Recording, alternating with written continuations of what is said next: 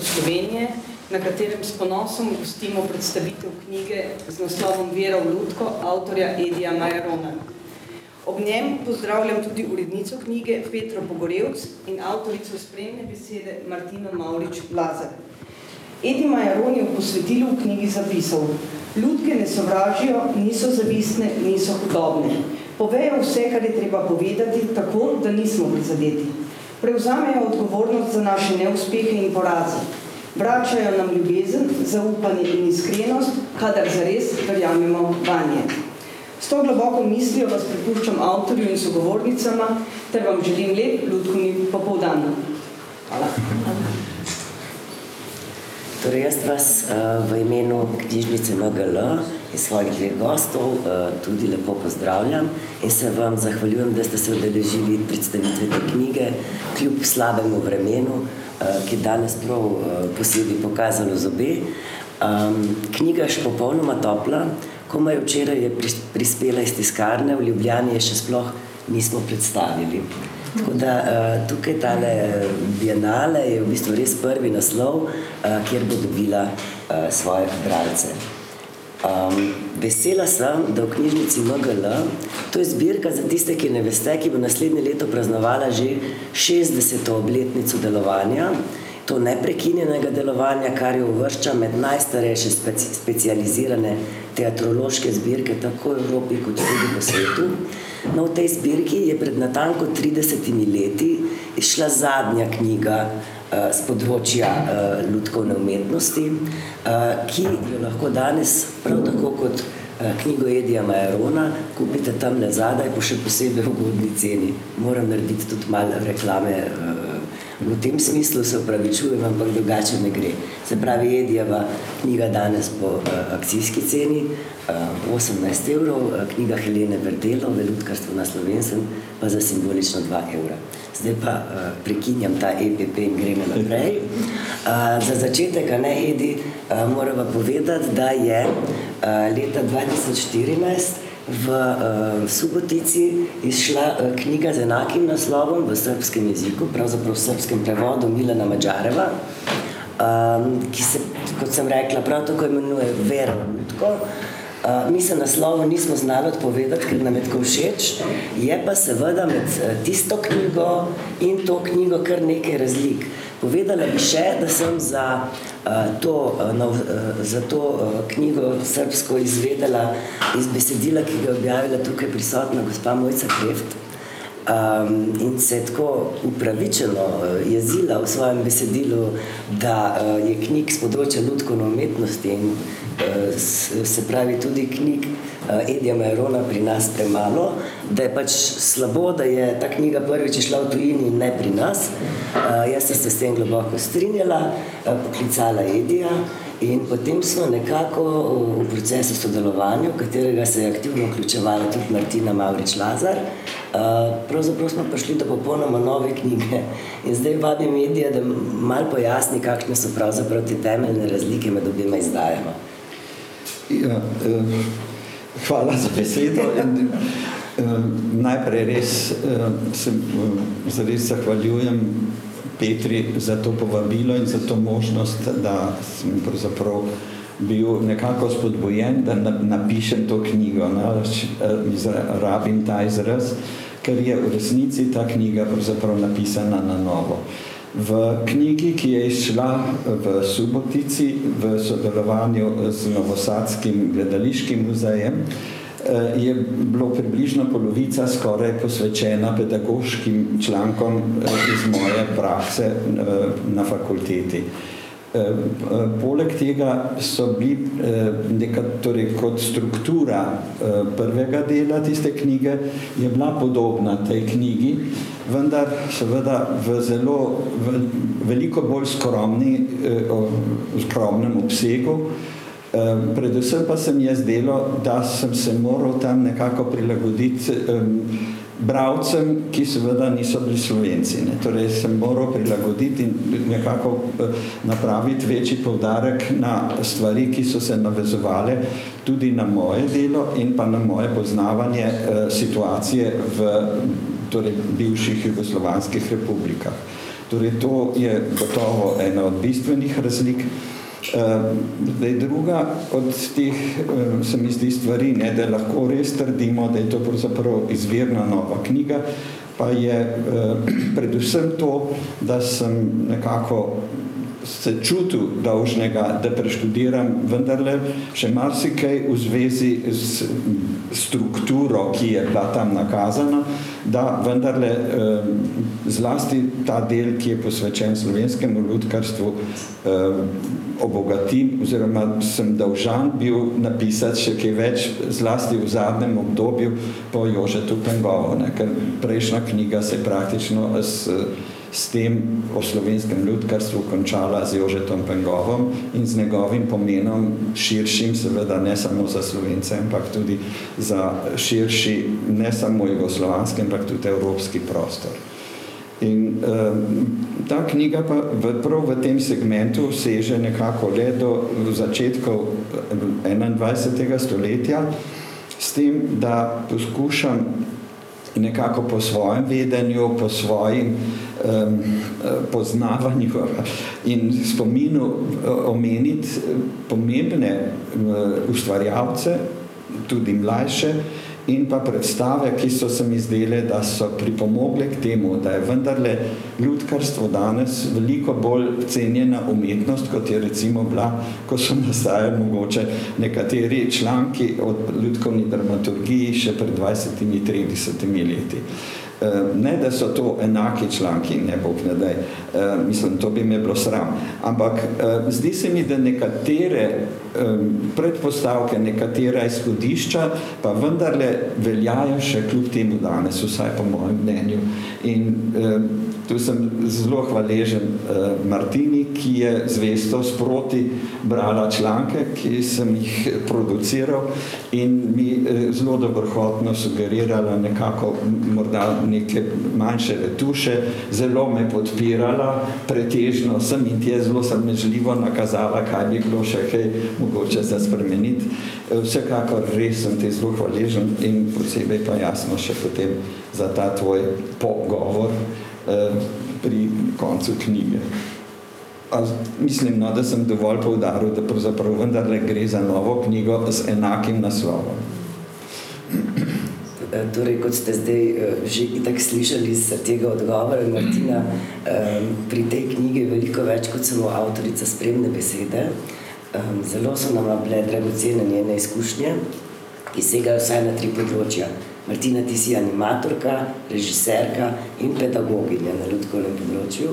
Pa me zanima, katero od teh plati tvojega ustvarjanja je ta knjiga najbolj nagovorila, na katerih nivojih um,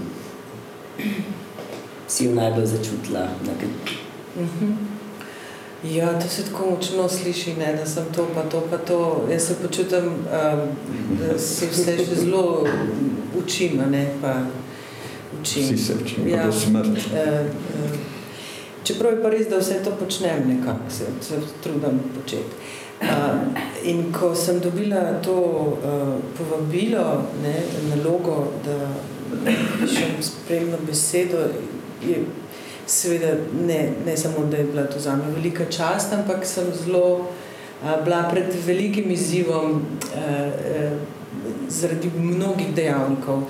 Prvič zato, ker je to dejansko um, prva knjiga v seriji um, resnih, upam, da v seriji, no, kakšnih, mislim, prva pomembna uh, knjiga Ludkovna, ki ni zgolj pre, zgodovina, ne, pregled zgodovine, ampak gre za um, zapisane osebne poti, osebne ustvarjalne poti uh, in enega uh, uh, pregleda izjemnega opusa uh, ustvarjalca.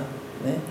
In um, uh, tudi zaradi tega, ker je Edi Majron en velik človek in ustvarjalec v tem prostoru in zdaj kako...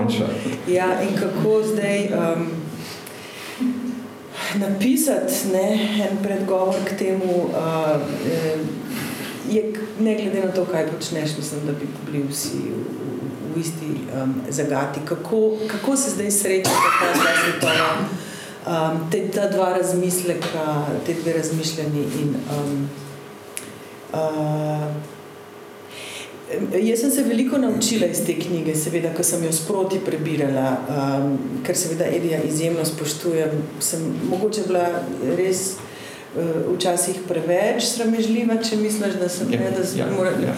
Ampak smo oba tako vljudna, pa sej smisel, da smo se razumela, vendar ne, smo se dajala pripombe. Ne.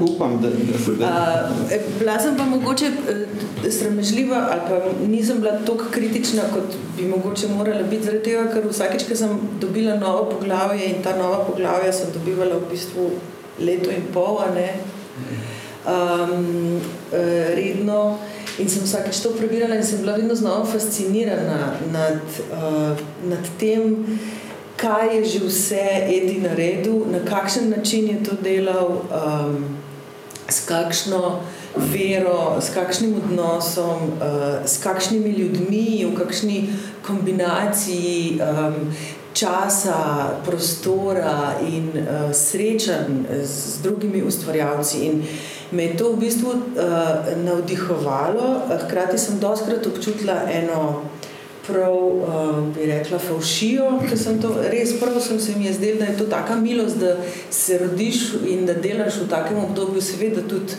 talent in, in vse to, kot sem tudi zapisala, ampak da je bilo tudi vzdušje tega časa, v katerem je Edi ustvarjal temu toliko bolj naklonjeno, In um, ko sem prebirala te reči, je, eh, je bilo to eno, eno, eno zelo bogato popotovanje tudi za me. No. Tako da nisem imela nekih res blaznih pripomb, ker eh, sem bila bolj fascinirana nad tem. Nekatere stvari sem poznala, ampak zelo malo, ne.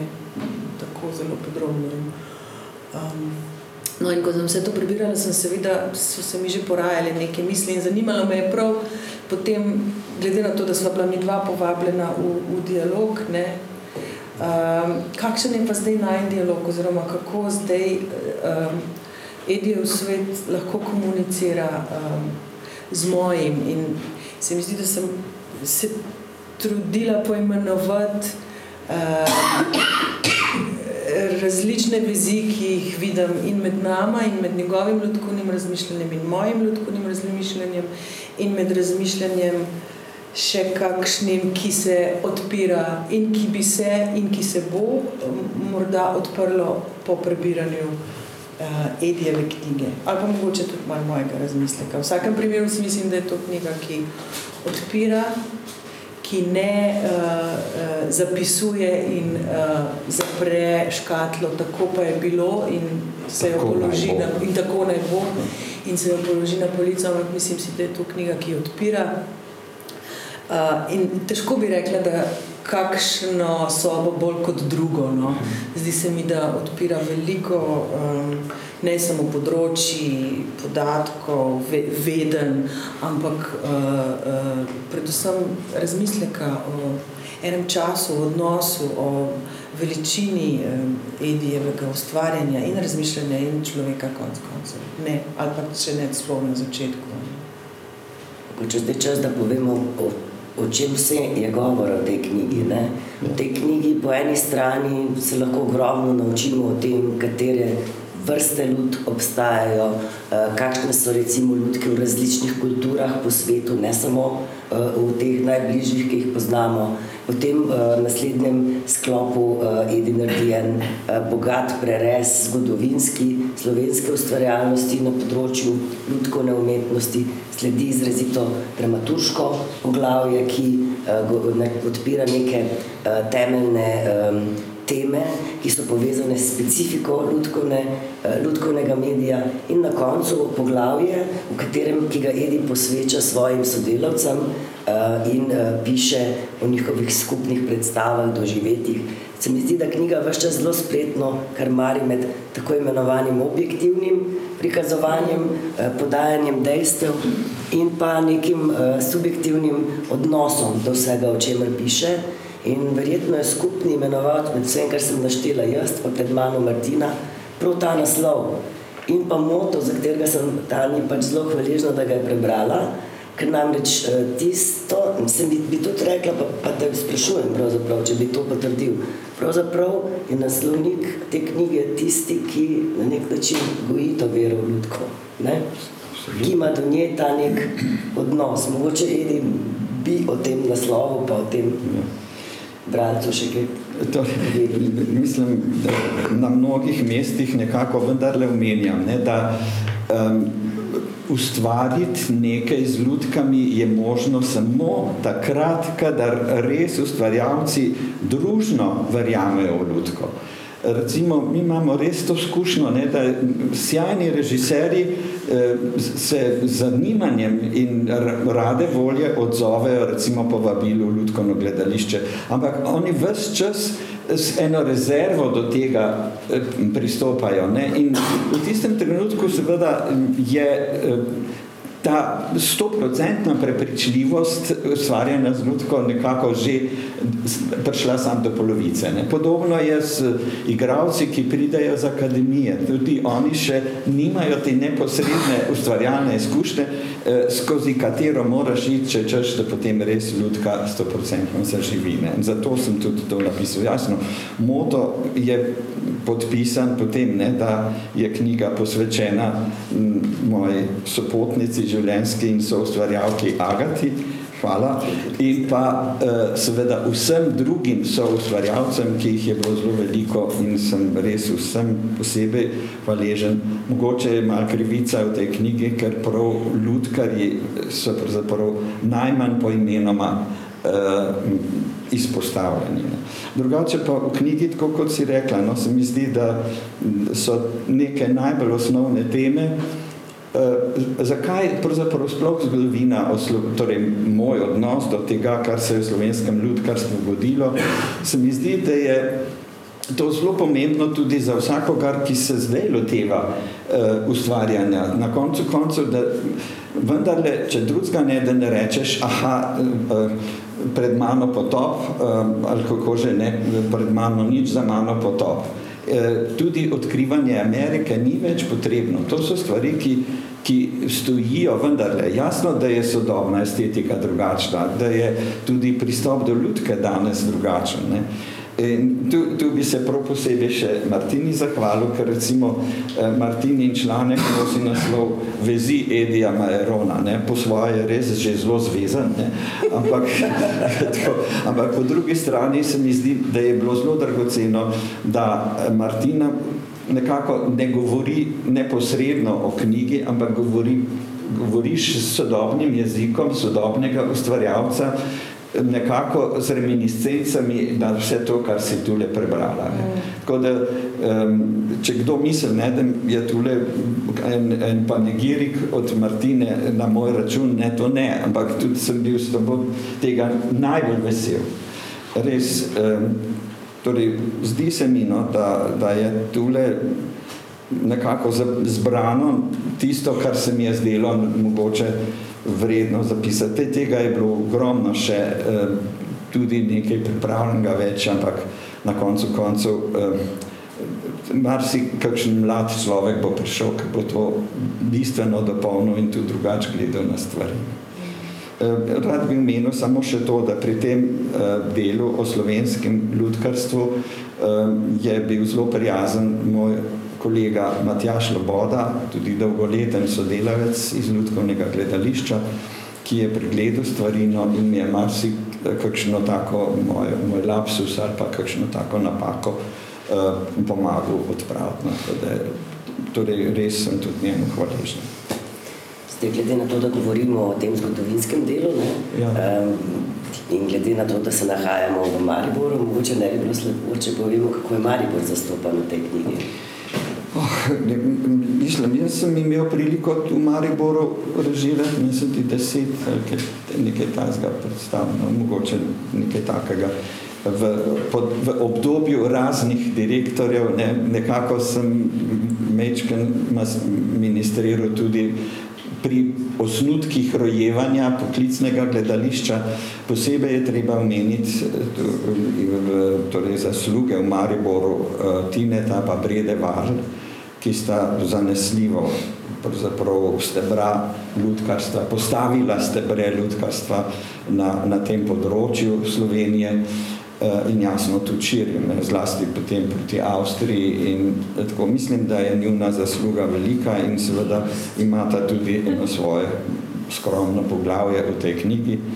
Um, sicer pa bi rad rekel to, ne, da je mogoče ravno ta možnost, da sem delal v različnih gledališčih in v kakšna sem vračal, uh, to, sem je, to je pravzaprav velik privilegij. Ne. In uh, tako, moram priznati, da sem se v, to, v Maribor rad vračal, ne, v to hišo mi doslej še ni bilo eh, možno stopiti razen z ljudkami iz predstav, ki, ki eh, sva jih delala z Agato pretežno. No pa tudi, eh, recimo, lep spomin imam na nastajanje predstave eh, Franeta Puntarja, eh, eh, pesem gre na zmenek za katero je za predstavo je pripravila Lucija Marija Stupica, zelo imenitna in zelo duhovite ljudke. Ne. Skratka, eh, na, na Maribor imam res kar eh, lepe spomine ne, in me veseli, da sem imel tule pravzaprav priliko celo prej kot v Ljubljani eh, režirati in pripraviti svoje predstave. Mislim, če smem nekako sam to omeniti, ne, moje prve režije, ki jih smem kot režije nekako omenjati, se začno uh, leta uh, 69. No, v Ljubljani sem prvo predstavo režiral pa leta 78, no, tako približno, tako da se približno odnos eh, do tega latinskega pogovora eh, zna potrjevati zapravo tudi tako rekoč na vsakem od nas. Ne. Nemo profeta in patrija, ne, tako da ni treba niti ponavljati. Eh, kakorkoli, zelo sem hvaležen, da je na koncu koncev tole vsaj na, na papirju eh, zgleda knjiga zelo simpatično, se mi zdi ta barva nekako poglablja vsebino, tako da se še enkrat res zahvaljujem možnosti, da je to v tako ugledni zbirki eh, išla ta knjiga in uh, torej upam, no, da bo vendarle našla tudi kakšnega bravca, no, ker se mi zdi, da danes itak čez dalje manj beremo. ko si že omenil naslovnico, naslovnica je delo um, Mojce Višner, oblikovalke, ilustracije naslovnic naših knjig dela uh, Eva Mlinar, ki je mlada um, uh, slikarka. Ampak uh, te ilustracije so pravzaprav kolaži, ki um, uporabljajo vedno neke redime motive, v tem primeru so ti motivi ljudke uh, Agate Fraj. Razen pulčili. Ti je pa, ja. ko rekoč, oče vseh ja. šaljivcev ljudkovnih. Uh, Ampak mogoče na tej točki kdo kakšno vprašanje? Da glede na to, da, da knjige še nihče od vas do tega trenutka ni mogel imeti v rokah, pa mogoče ničesa nismo povedali. Ne? Ja. Če bi koga kaj zanimalo, izvolite, bomo zelo veseli. Nič kakšen gledališki projekt pa ljudkovni in kakšna režija še v, planu? Oh, je to, dokler človek, vedno nekaj snuje, ampak to so. Zdaj sem mladi na vrsti.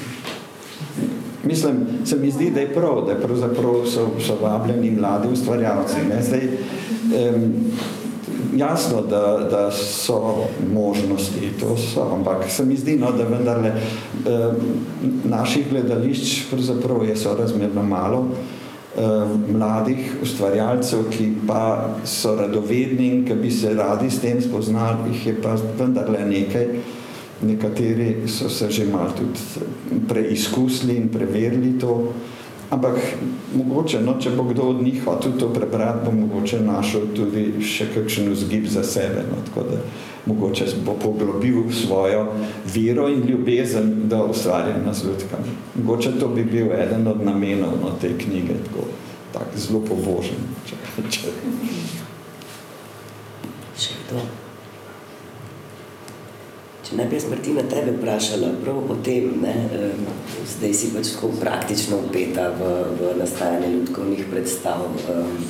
In me zanima, kakšne so pravzaprav konkretno te razlike med časom zdaj pa časom, ki ga recimo v glavnini knjige opisuje Edi. In kako je s temi mladimi ljudmi, ki jih ti srečuješ pri delu vsak dan? Jaz imam to izkušnjo, da jih je veliko prišlo do mene, jih je zanimala knjiga, spraševali, kdaj bo izšla. Ker nekaj je takih, ki to tudi študirajo um, in se želijo s tem ukvarjati. Ne? Um, pa me zanima, kje ti vidiš te stične točke, prav iz prakse ven in uh, ustvarjanja in, in poučevanja z, z Edijem. Ja, pač, kakšen je lahko most med oboj? Ja. Uh, to, o, o tem nekako sem razmišljala, ja, tudi v tem pisanju. Um, moram reči, da ko sem brala Edija, uh, sem nekako ga lahko zelo razumela. Ne, ni, ni, mi, njegovo razmišljanje meni osebno ni tuje, kot sem povedala, z, z veliko občudovanja, ampak um, zdi se mi, no, upam, da si ne zgolj domišljam tega, da sem ga razumela, da razumem, na kakšen način nam zapisuje oziroma nam sporoča to svojo ljudkovno misel, ne glede na to, kako, kako, ga, kako smo doživeli njegove predstave. Ampak to, kako ga zapisuje, kot rečeno, si, si domišljam, da sem ga razumela. E, domišljam si, da sem ga mogoče malo bolj razumela, tudi zaradi tega, ker imamo um, isto praško izkušnjo, uh, da smo.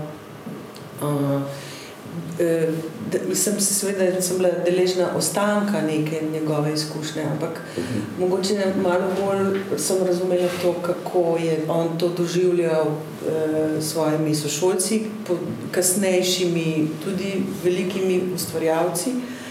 Um, tako da uh, moram reči, da sem, da sem razumela to vero v ljudko zelo Eh, zato sem tudi naredila eh, povezavo z njegovimi vrstniki, ki v tem obdobju izdajajo podobne zapise o svojem življenju. Um, eh, kako, s kakšnim odnosom so se lotevali um, svojega dela, s kakšnim spoštovanjem in predvsem s kakšnim uh, velikim vedenjem in znanjem in poglobljenostjo. Uh, In ta odnos, mislim, da uh, je ena točka komunikacije ali pa diskomunikacije z današnjo generacijo. Ne? O, tem sem potem tudi razmis, razmišljala v pisanju svojem. Namreč mislim si, da je prednost recimo Edijevega časa bila uh, predvsem ta poglobljenost, uh, ta, to razkošje tega časa, ki so ga ustvarjalci imeli, uh, tako v smislu, da so se lahko eh, bolj koncentrirano posvečali kakšni predstavi in da so jih lahko delali več, ne? da so jih lahko zaporedno, da so lahko zaporedno pre, večkrat preizkušali recimo kakšno metodo ali pa da so lahko mogoče eno predstavo večkrat postavili na različnih odrih. Ne? Ta čas, ta do, do, dojemanje tega časa je neki, uh, kjer se seveda danes težko najdemo. Ne? E, nimamo več tega koncentriranega obdobja vaj, vmes moramo veliko več igrati, mislim, da je ta produkcijski tempo hitrejši. Ne? Tako da to je recimo en ta čas, ali pa poglobljenost. Ne? Če smem malo ja, ja. komentirati. Ne? Jaz mislim, da je, uh, v resnici se to tebi tako zdi. Ne? Uh, že, že to se ti zdi, da, da, da smo imeli kot več možnosti. Ampak v resnici možnosti je bilo edino toliko, ker je bilo sorazmerno v celi Jugoslaviji bistveno manjše število režiserjev, ki so želeli in znali delati v ljudkovnih teatrih. Večinoma ta pejorativni odnos do ljudk je v resnici bil takrat še zelo, zelo močan. No in recimo, Pengov, pe, način Pengovovega dela je seveda bil, kaj s tem, ena velika predstava na leto ali pa zanimiva. Medtem, kot mi njegovi, recimo, učenci, če smem temu tako reči, ne, ali pa občudovalci, eh, smo bili popolnoma v drugačni situaciji. Jaz sem bil prisiljen, zato ker sem bil samostojen umetnik, zato ker ni bilo v Ljubljani take možnosti, da bi delal, sem potoval naokrog, ampak jaz sem naredil kakšno leto po pet reži. Enostavno zato, da je, ker so me prosili, da to naredim. Ne. Zdaj so bile vmes anekdote, recimo na um, srečanju bosanskih gledališč, um, ki so ga imeli ne, vsako leto ta bienalni festival, um, je bilo naenkrat, so bile moje predstave tekmovalne, ne, tako da sem tekmoval sam sabo in je potem um, to republiška partija obravnavala, kaj dej z to, da mora en tujc delati vse predstave v, v Bosni in Hercegovini. Ne, tako, čas potem nisem delal, ampak vseeno. Ne hočem samo to povedati, da nas je bilo res manj, um, tudi na Bugejanskem festivalu, recimo še Penčič, ki je zdaj, uh, Bog mu da je večni mir in pokoj umrl, ampak je napisal, ne, nisem jaz skriv, da, je, da so štiri predstave na srečanju, ali pa celo enkrat jih je bilo pet v Bugojnu, da so Majaronove. Je rekel, to je stvar teatrov, ki pač njega vabijo, zato ker imajo meni ali več zagotovljeno zanimivo predstavo. Ampak to nisem rekel zato, da se hvalim,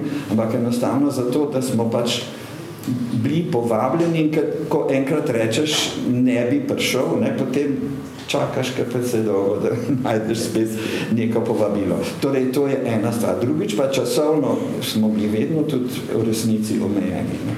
E, redko kdaj sem imel časa več kot en mesec za nastajanje predstave. Ampak to je, vedno pa so bile priprave zelo dolge. Na, na Shakespearea sem se pripravljal 20 let, recimo, pa na, na Cankarja tudi, ne, pohujšanje. 12 let sigurno, ne, pa spar nekajkrat dogovorov, ampak potem ni nastalo. No, to bi se moral komentiral.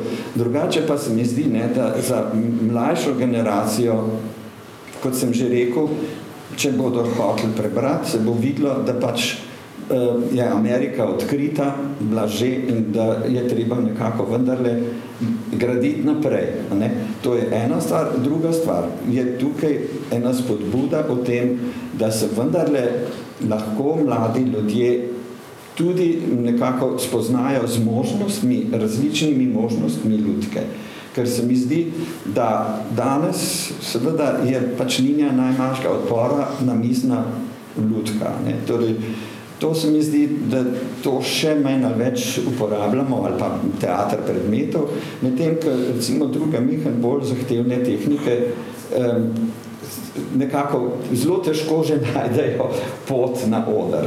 Z ene strani so zelo zahtevne za izdelavo, torej veliko več časa rabijo, drugič zahtevajo drugačen, drugač, drugačno organizacijo odra, ki je spet bolj zahtevna, so manj primerne za gostovanje, običajno, ne, recimo zlasti kakšne marionete ali pa javanke, skratka, To so razlogi, ki današnji čas, ki vse hoče najčest, vse skoncentrirano, nekako pravzaprav omejujejo in opravičujejo tudi mlade režiserje, da pač posežejo po liniji najmanjšega odpora. No. Če, če ni to zdaj mogoče preveč um, koga. Nisem mislil pejorativno, ampak sem hotel opravičiti no, situacijo.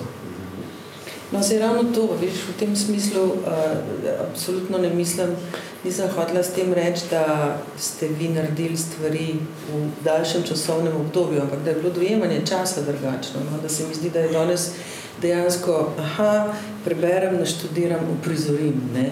da je um, v bistvu vaša poglobljenost oziroma poglobljenost posvečanju nekemu projektu in tudi konec koncev izdelavi ljudk, ne?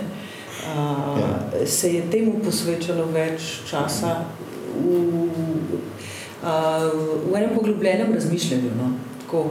In da, um, ko prebiraš uh, zapiske, uh, na kakšen način je Edi razmišljal, ko je delal ne vem, Beketa ali pa Shakespearea ali pa Cankarja in tako naprej. Ne? To niso razmisleki čez noč, to niso. Uh, ne? In um, uh, Danes si to težko predstavljamo. Ne? Mislim, danes tega na repertoarju tako, tako skoraj da ni, odrasle publike vidimo, da imamo minimalno, ne? če da gledališče na uh, repertoar predstavo za odrasle, je to izjemno riskantno dejanje. V bistvu. Tako da v tem smislu eh, je to, kar sem rekla, da je zavidanje vredna, Ja. vredno, vredno karijera na tak način. Ne? Se mogoče zdaj še kdo priključil, kaj dodal ali pa vprašal. Jaz pa bi. Evo, izvolite. Sem eden od uh, starejših vernikov v Ludku. Ja, bravo. In, uh, uh, Edija Majarona sem imel zelo uh, priložnost imeti kot režisera v verski skupini Ja. in uh, bil z njim uh, doskrat na teh ljudkovnih srečanjih, ker je bil zame kot eden, če govorimo o veri, duhovni vodja teh ljudkovnih skupin, ker je nas znal lepo spodbuditi z prijaznostjo, tako kot je njemu značilna. In skratka, imeli smo se lepo, danes pa prihajam z radovednostjo, kaj je napisal. Ja, bo- boš pogledal, no, tam me veseli, sem počaščen, da si prišel. Ampak si pa lepo prenesel ljubezen do teatra, pravzaprav na mlajšo generacijo, ne, ker je sin sodeluje kle v teatru. No, no evo, tako da so se, mogoče, no, se pravi, če bo kdo prebral, mogoče bo pa koga še kaj zanimalo na pol ravno z tega področja. Um, jaz bi sam še to dodal, no, da sem zelo hvaležen pravzaprav uh, svojim vzornikom, še bolj kot učiteljem. Ne? Mislim, res sem na Praški akademiji um, bil recimo nekako skozi dva semestra nek, v kontinuiteti, hospitiral sem, da ne bo kdo mislil, da si lestim kakšno posebno diplomo, jaz sem imel diplome iz čel.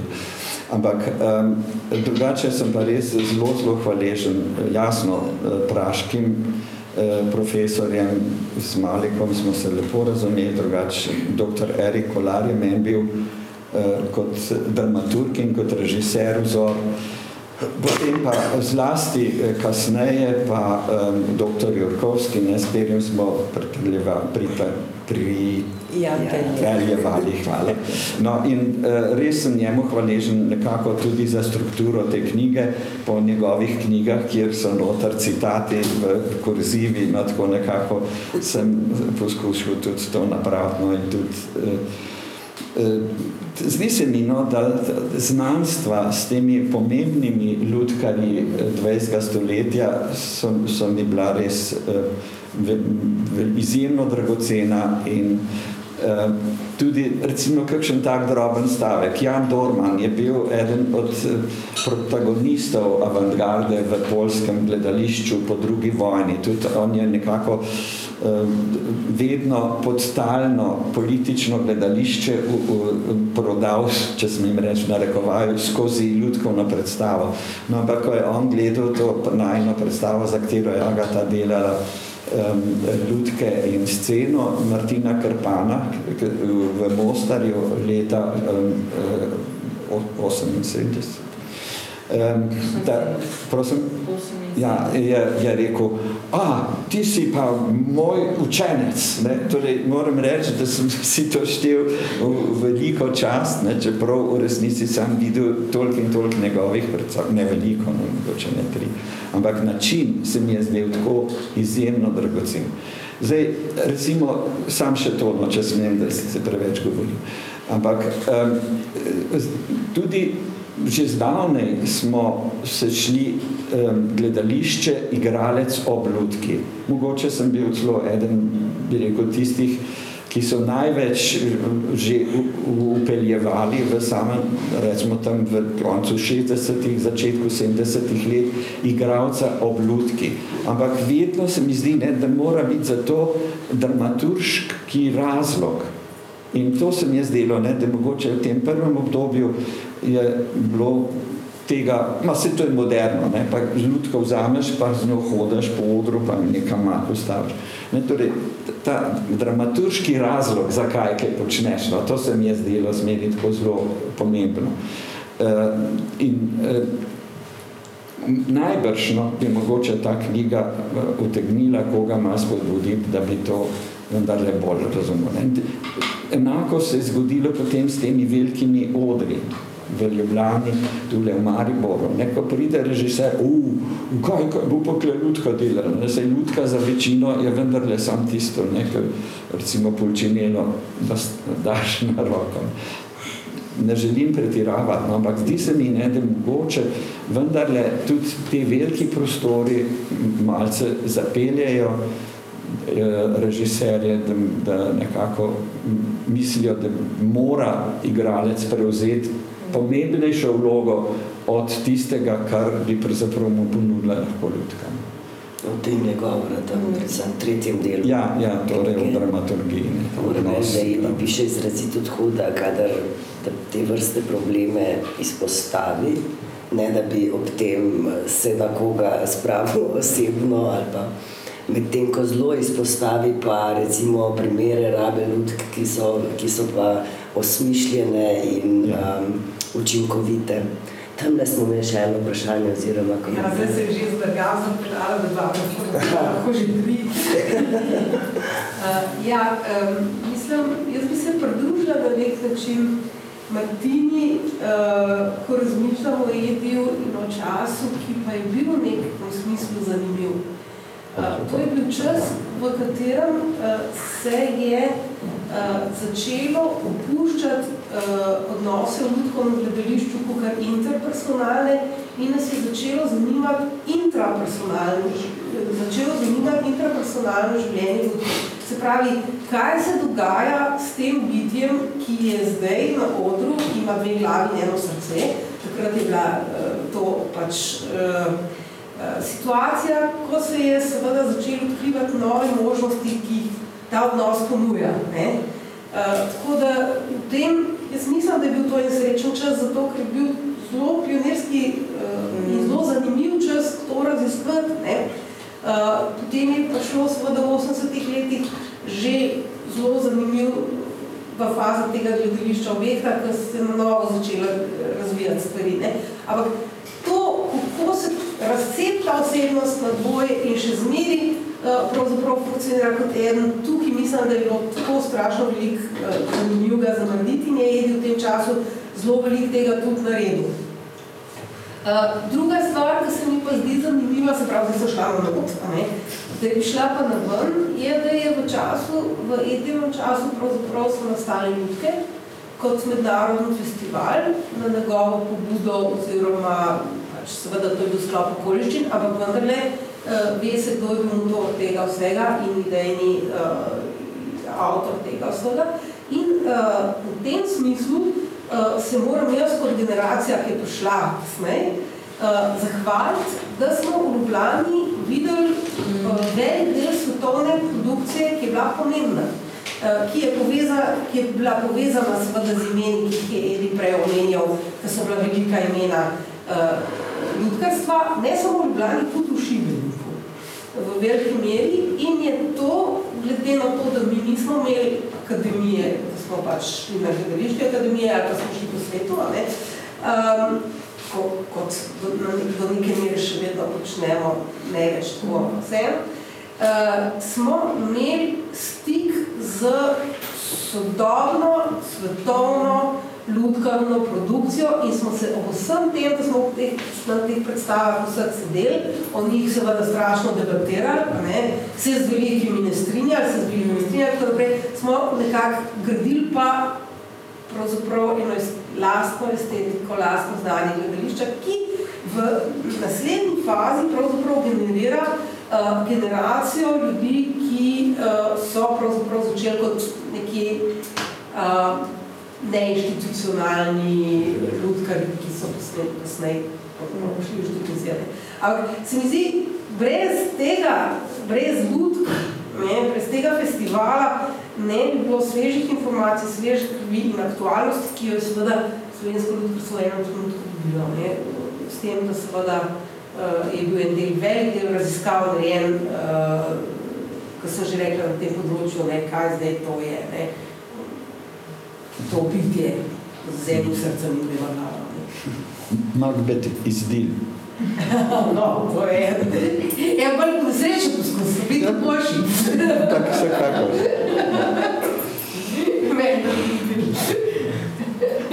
No, zakaj ne bi to javno povedal, se ko pribogu? Ne, to je hecen. Smo ga je pol te možne, no,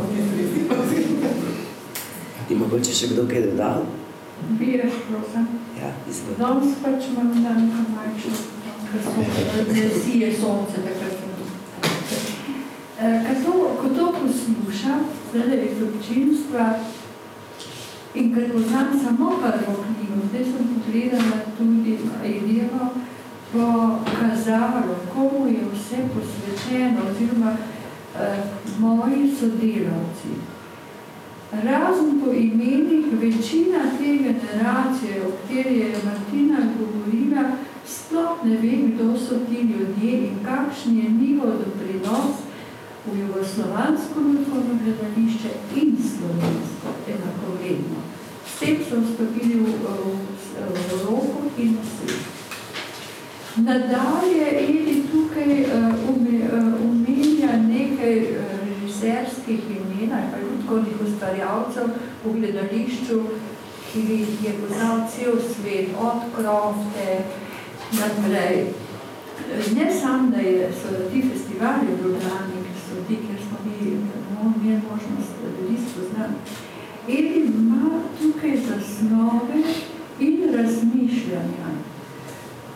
Pravi, da ni pedagoškega dela, to sem izvednica prepovedala, ko bi bilo smiselno prav na eh, takih pogovorih, kot se odvijajo tukaj, do naslednjega bienala pripraviti strokovno raziskovalni simpozij na to temo. Jaz mislim, da je to res ena možna istočnica. Helena Vrdelova je zgodovinsko pisala gledališče, tudi svoje mnenje s citati, Edijeva pa razpira možnosti za nove poglede. In izkazalo se bo, v to sem trdno prepričana, da si ljudje danes v gledališču, kar ni značilno samo za ljudsko gledališče, vzamejo premalo časa v tej dolgi predpripravi, ki je potrebna, ko ti stopaš v gledališče, rečeš, to bom pa jaz režila s to zasedbo. In tle mislim, da je ta prednost bila te generacije, o kateri ti govoriš, razkošje. Bilo je razkošje misli. Pogoji in finančna sredstva so bila katastrofalna. In izkazalo se je, da ti nisi mogel več po desetih letih nič povedati o teatru, ker ni bilo možnosti tega premisleka. Vse posledico. In tudi to, da zakaj so se v konec 90-ih, začetku uh, tega tisočletja pojavljale tako imenitne ljudkovne skupine, ki pa do danes tega razvoja kulminacije niso naredile. To zdaj jaz v svojem premišljanju govorim Karina. Ampak da bi res to bila tema, da se spodbuja ljudkovno gledališče in ljudkovne alternativne skupine, neinstitucionalna scena, scena v kakovost, da ni diletantizma čim manj in uh, to ljubiteljstvo, ki pa je v ljudkovnem gledališču, kar je izjemna prednost in predanost, preide v profesionalno, v premijskega. Ker če nimajo nobene možne izobra, eh, možnega izobraževanja o umetnosti, potem lahko samo sami delajo. Vse prejšnje leti tudi ni bilo, ali pa deset leti šole. In uh, je, tako zdaj, tudi po dopolnanskem pogovoru sem potem malo popoldne razmišljala, da v bistvu smo si sami krivi, da ljudkovno gledališče kot segment gledali ustvarjanja scenske umetnosti ne parira dramskemu gledališču. Če bi to lahko nadaljevali, so uh, lukne so, rast je padec, ni enakovredno, manj gledališče, da bi se to poskušalo obrednotiti skozi en tak ulu, bienalni festival, in s temi simpoziji. Drugo leto bo Ljudkove gledališče imelo obletnico, tudi čas pripimo 70 let. A je 70? Ja, ja. Aha. 70 letnica in tudi to je istočnica za raziskavo ob muzeju, ki ga imajo uh, za tak festival. To se ne da napisati, pa da se mislim, da raziskati v pol leta eno leto. Ljudje, ki bi, bi to zanimalo. In to je doprinos, tako da zaključam, uh, k slovenski ljudkovni ustvarjalnosti, umetnosti in seveda bolj naročen, kot je pa ta festival, da je išla in je bila predstavljena primernejšega trenutka. Hvala.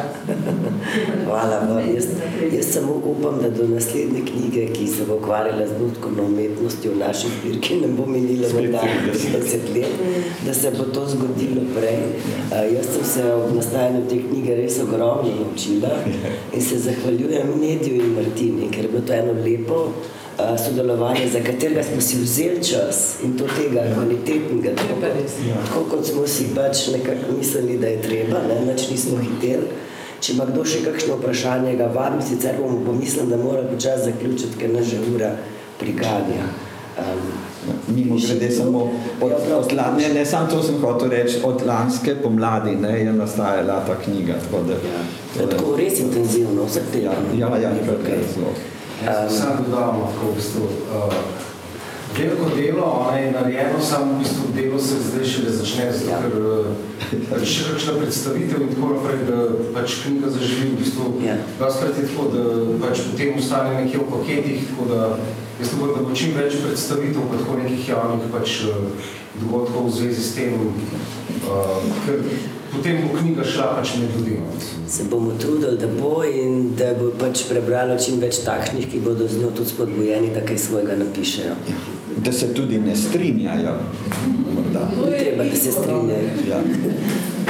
Prav.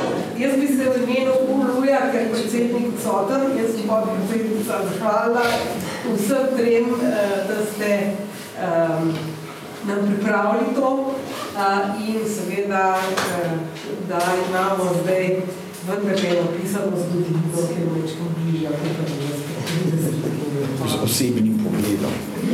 Ne, ti so osebni. Ja, Nič, najlepša hvala.